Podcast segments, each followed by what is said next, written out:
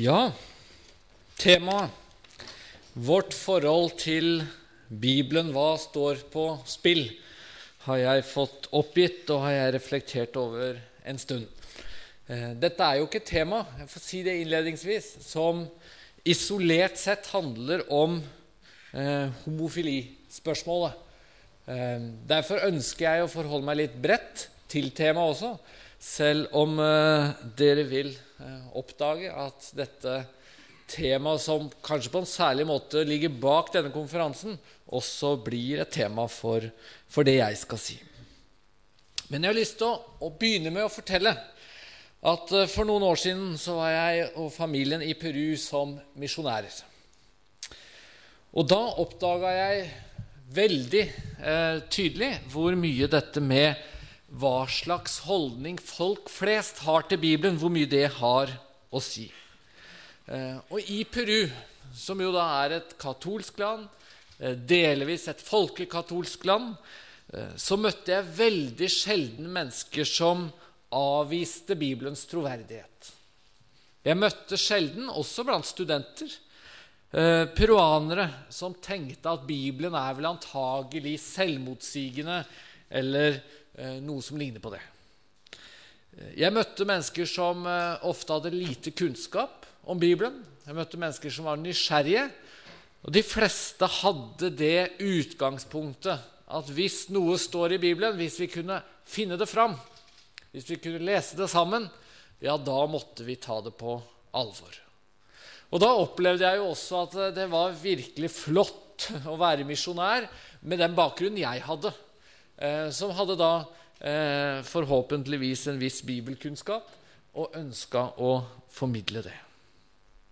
Så kan jeg kanskje føye til at det var jo en del spørsmål um, i deres kontekst som handla om apokryfene, forholdet til paven, forholdet til tradisjonen og forholdet mellom den og Bibelen og den slags. Men utgangspunktet mitt, det som var godt å oppleve, det var en tillit til Bibelen, også hos de som sjelden leste den, sjelden gikk til kirke eller til messe. Og når jeg da kom tilbake til Norge etter tre år der, så opplever jeg jo da en voldsom kontrast. I dag, i vårt land, møter vi voldsomme protester, f.eks. bare i forhold til uttrykket bibeltroskap. Jeg opplever at slagordet, også ganske langt inn i den konservative delen av Kirken, det er at det er umulig å si at noen er bibeltro, noen er ikke bibeltro. Det er blitt en ganske akseptert sannhet eh, at bibeltroskap er et farlig ord, at vi må passe oss for å bruke det, osv. Og så finner vi da mange argumenter for denne måten å tenke på. Det mest vanlige tror jeg, det er at vi hører at Bibelen kan tolkes på så mange måter. Kom ikke her og slå folk i hodet med bibelsteder, eh, for Bibelen kan forstås på ulike måter. Vi hører at det er bare fundamentalister som kan mene at det er viktigere hva som står i en gammel bok, enn hva vi alle burde forstå at er fornuftig. Vi får høre fra tid til annen at selv bibeltro mennesker må jo innrømme at det er feil i Bibelen, eller at man ikke kan tolke alt bokstavelig, at skapelsesberetningen er et problem også for de gruppene, osv. Og, og så hører vi til slutt mange som sier at selv de mest konservative de tar jo ikke alltid Bibelen på alvor. De har heller ingen rett til å kalle seg bibeltro.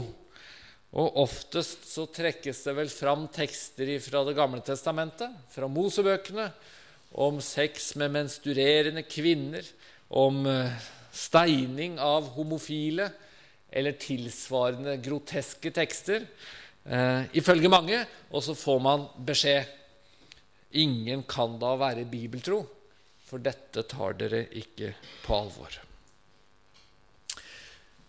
Det var fra min side noen eksempler. bare på dette at uttrykket bibeltroskap, det er eh, slett ikke enkelt å bruke lenger. Og vi som da vil si at ja, vi stoler på Bibelen, vi tror på Bibelen, vi møtes av et ganske betydelig angrep. Og så er jo overskriften vår i dag 'Hva står på spill?'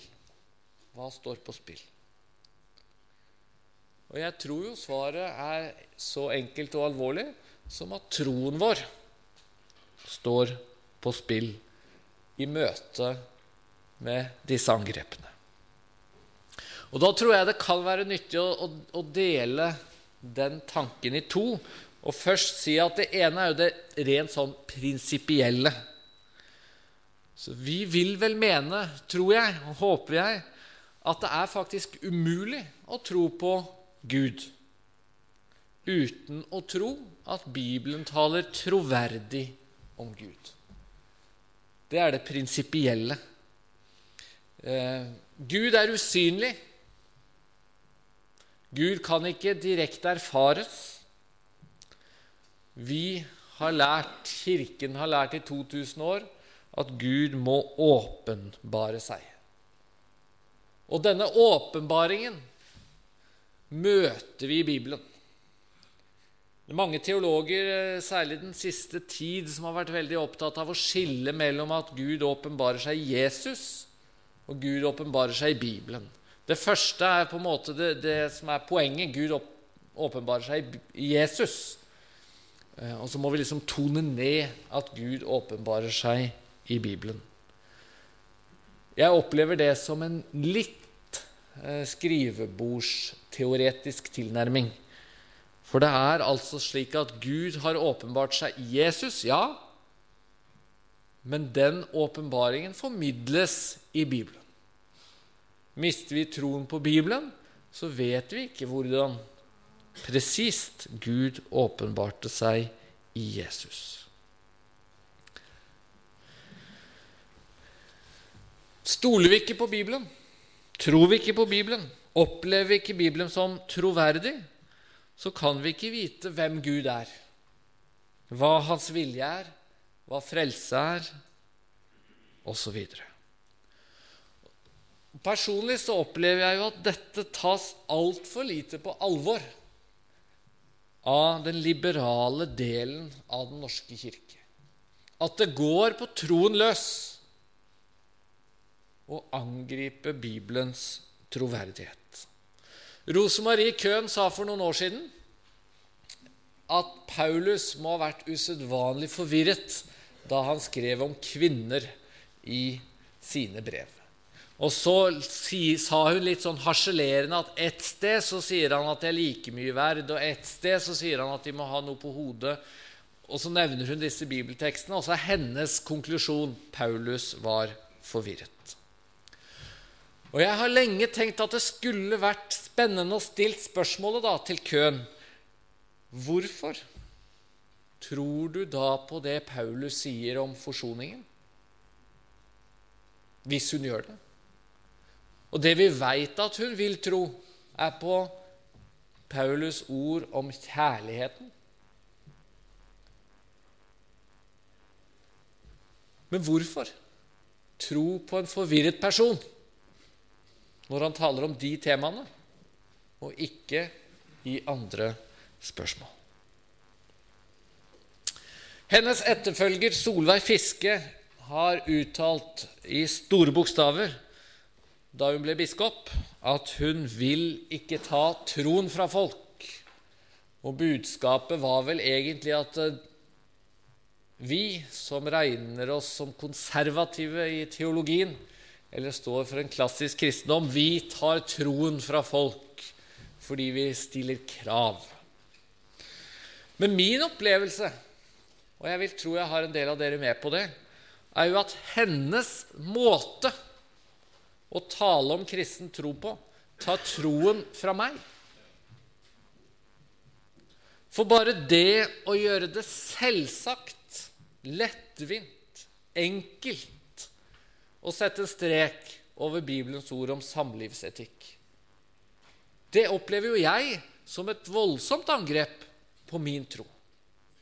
For jeg klarer jo ikke å tenke at jeg kan sette en strek over det, og så kan jeg gå videre som om ingenting har hendt, og med full frimodighet tro på andre ting i Bibelen.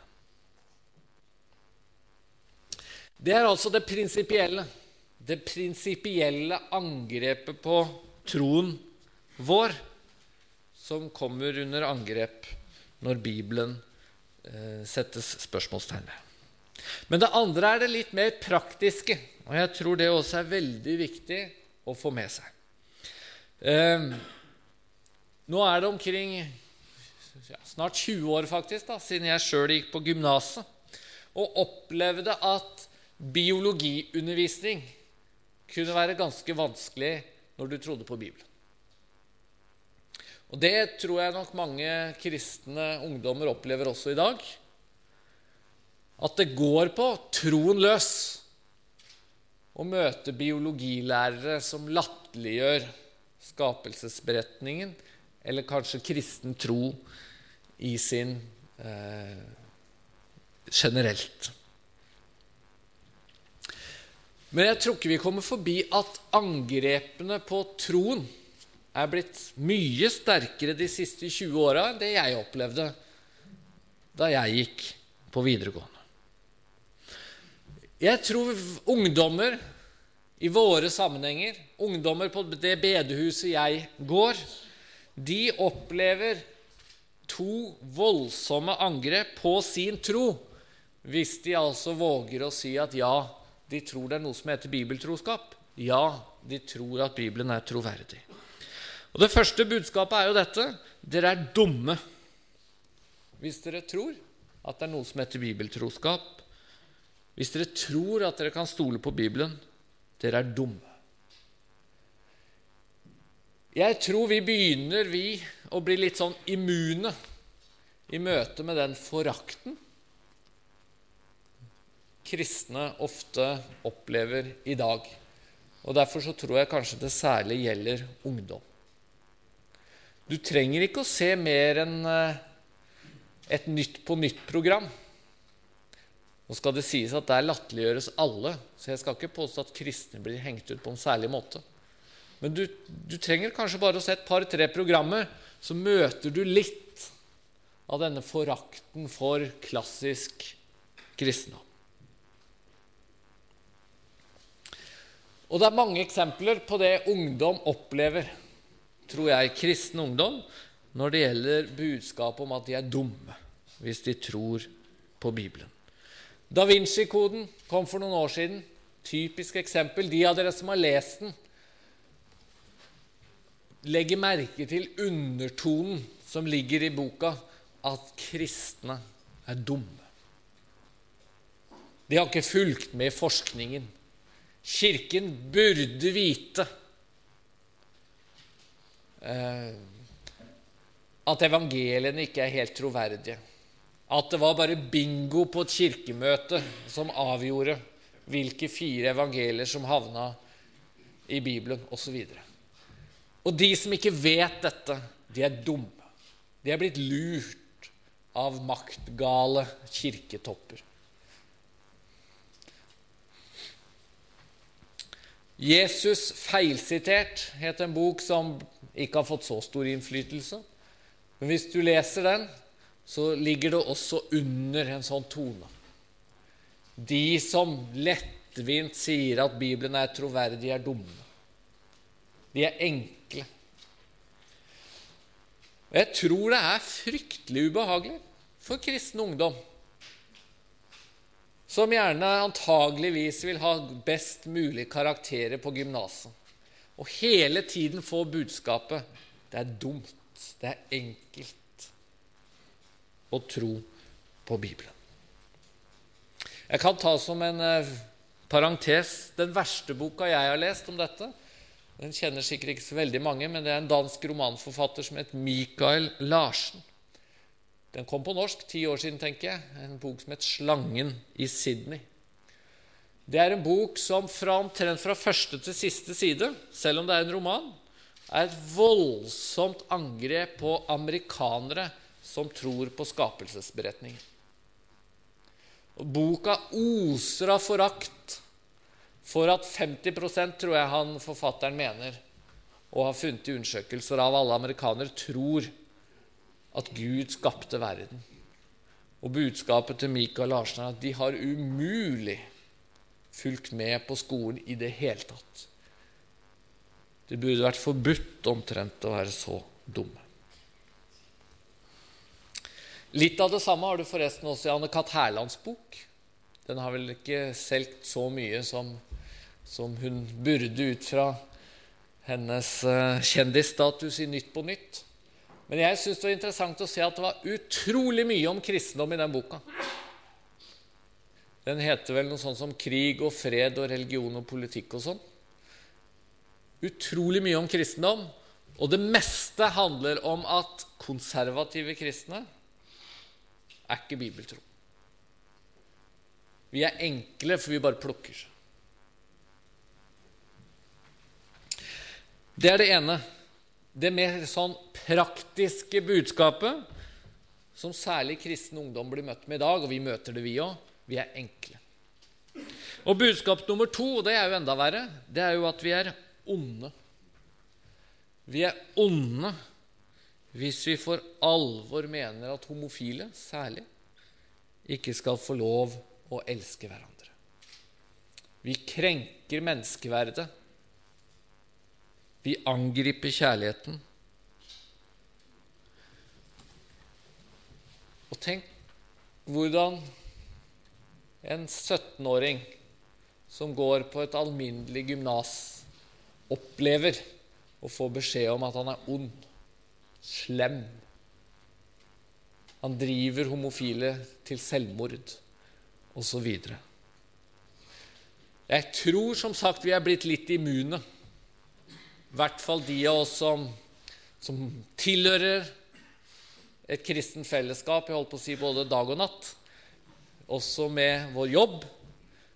Jeg tror ikke vi virkelig klarer å se hvor ubehagelig det er, kanskje særlig for ungdom, å møtes med det budskapet at de er onde fordi de tror på Bibelen. Og da går det på troen løs. Det er det ikke tvil om. Eksempler her Tor B. Jørgensen. Når han sier at menneskeverdet krenkes, er det vanskelig å tolke det noe annerledes enn at han mener at å si nei til homofilt samliv er omtrent det samme som å si ja til rasisme. Begge deler handler om menneskeverd. Og man kan jo da spørre seg om han faktisk mener at det skal være et rom for to syn i Kirken, eller om det bare handler om taktikkeri. Og så har det jo da enormt med TV-serier, filmer, som forteller at homofilt samliv er naturlig. Det handler om kjærlighet. Det er ingen grunn til Ja, det er ondskap å si nei. Brokeback Mountain er jo en litt typisk film der, og masse, masse, masse TV-serier. Og så har vi jo 'Så som i himmelen', denne svenske Oscar-nominerte filmen som sier lite om homofili, riktignok, men som ellers også har dette budskapet 'Kirken er ond' når den snakker om synd. Det var fra min side litt tidsanalyse, og det er jo mye enklere enn å snakke om hva gjør vi, hva sier vi, hvordan svarer vi. Som dere sikkert forstår, så ser jeg litt mørkt på situasjonen, og jeg tror det kan være klokt å trå litt til av og til når vi skal oppsummere det kulturklimaet vi lever i. Det er mye som står på spill. Det er vanskelig for mange å beholde troen når det kommer så klart til uttrykk i mange kanaler at du er dum hvis du tror at Bibelen er til å stole på, og du er ond hvis du faktisk gjør det. Hva gjør vi så? Hvordan kan vi være litt konstruktive? Jeg har tenkt å bruke, ta fire punkter til slutt. og Prøve å si litt om hva jeg tenker kan være noen korte innspill til en strategi for oss. Og det første jeg har lyst til å si, og som er veldig vanskelig, er at vi må passe på at vi bruker andre eksempler enn homofilispørsmålet når vi skal si noe om hva som står på spill. Noe av det ulykksalige med dagens enorme homofokus i norsk kirkelig debatt, det er jo at de som da sier nei til homofilt samliv, veldig fort oppfattes som farisere fordi de sier nei til en synd de selv ikke kjemper med. Og Av og til har jeg stilt spørsmålet sjøl snakker vi, kristne ledere, forkynnere, predikanter, heller om homofilt samliv enn om samboerskap. Fordi de færreste av oss har homofile veldig tett. De fleste av oss har samboere i middagsselskap rundt jula. Prinsipielt så snakker vi om samme synd seksuelt samliv utenfor ekteskap. Og Det er utrolig viktig å holde fast på at det er samme synd. Vi har ett budskap fra Bibelen når det gjelder seksualitet, og det er at rammen for det seksuelle samlivet er ekteskap mellom mann og kvinne. Og så er det mange ulike former for synd. Utroskap, sex før ekteskap, samboerskap, homofilt samliv, you name it. Vi må passe oss for at folk ikke oppfatter det som farisisme. At vi snakker bare om den synden som er litt langt på avstand, og som om de enkelthomofile det er snakk om, egentlig ikke er så viktig for oss. Så kan vi da prøve også å illustrere hva som står på spill, med å snakke om helt andre spørsmål. Trenger ikke å ha med sex å gjøre. Fortapelsen. Slik jeg opplever det, så er vel det det spørsmålet som tydeligst viser skillet i de kirkebildet.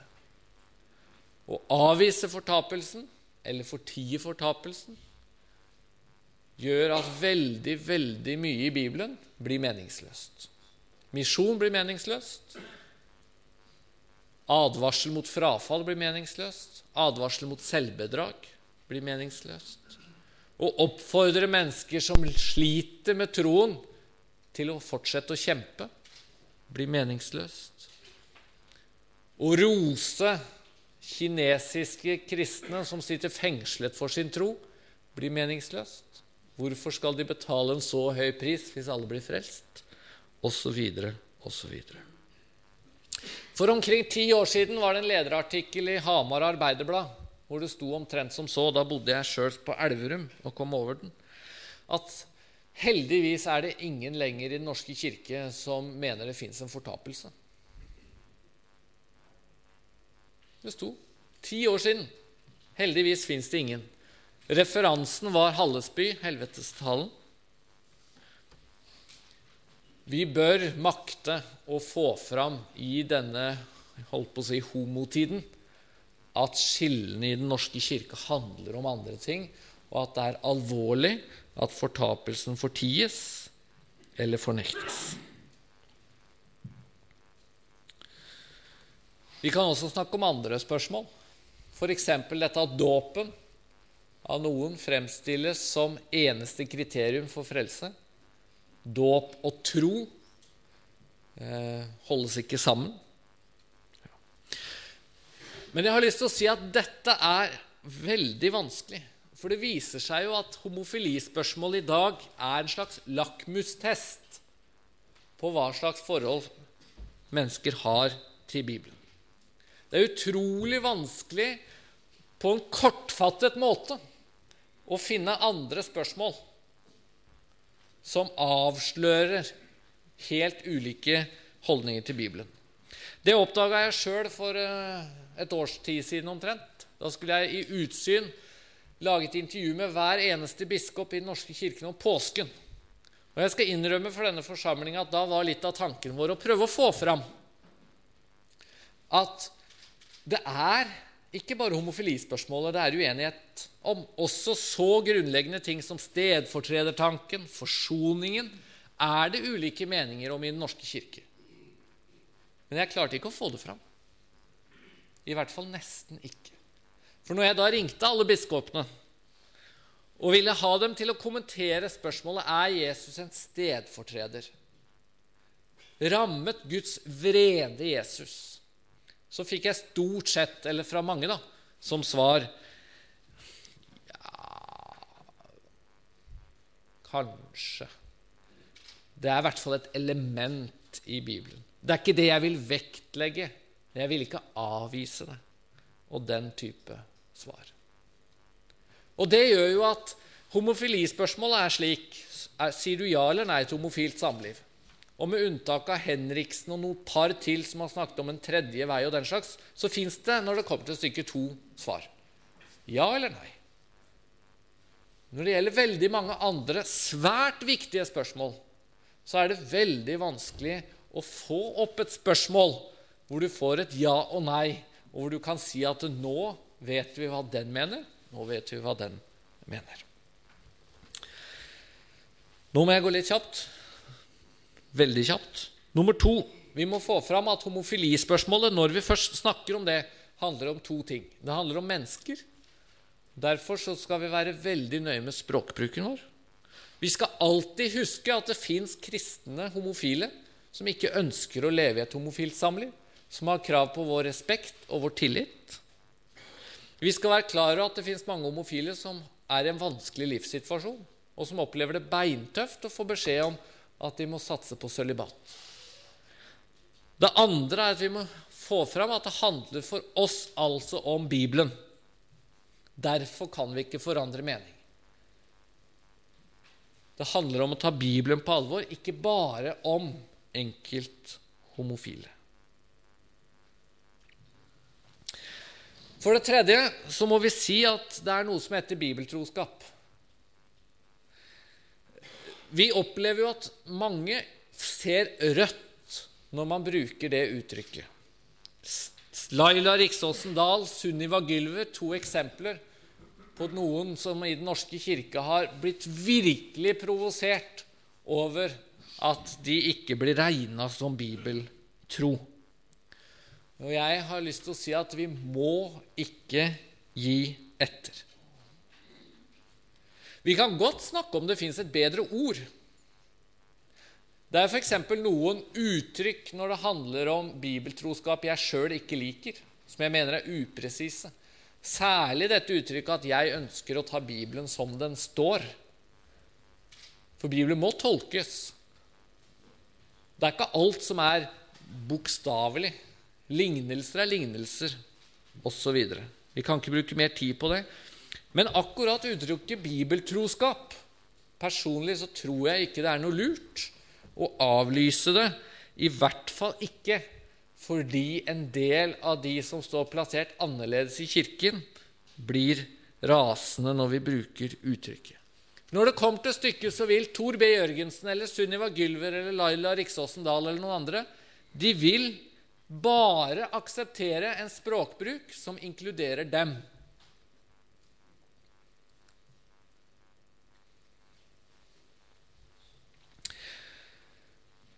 Og det siste jeg har lyst til å si, det er at vi må få fram at det er useriøst å hevde eller å akseptere at det fins så forferdelig mange tolkninger til alle teologiske spørsmål. Det er rett og slett ikke sant.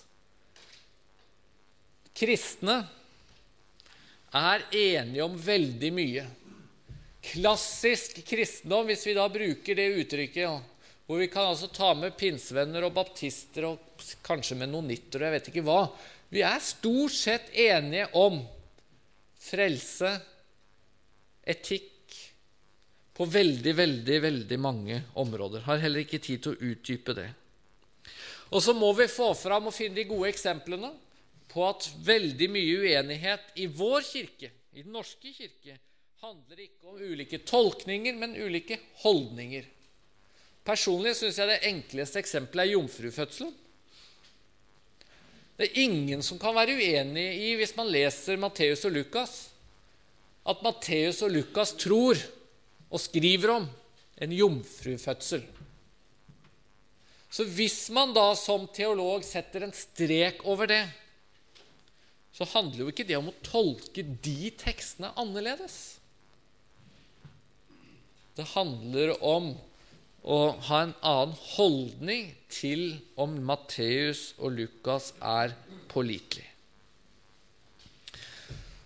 Så kan vi føye til at vi har aldri ment at bibeltolkning er veldig, veldig lettvint og enkelt. Og det er jo et problem i en litt sånn tabloidisert tid.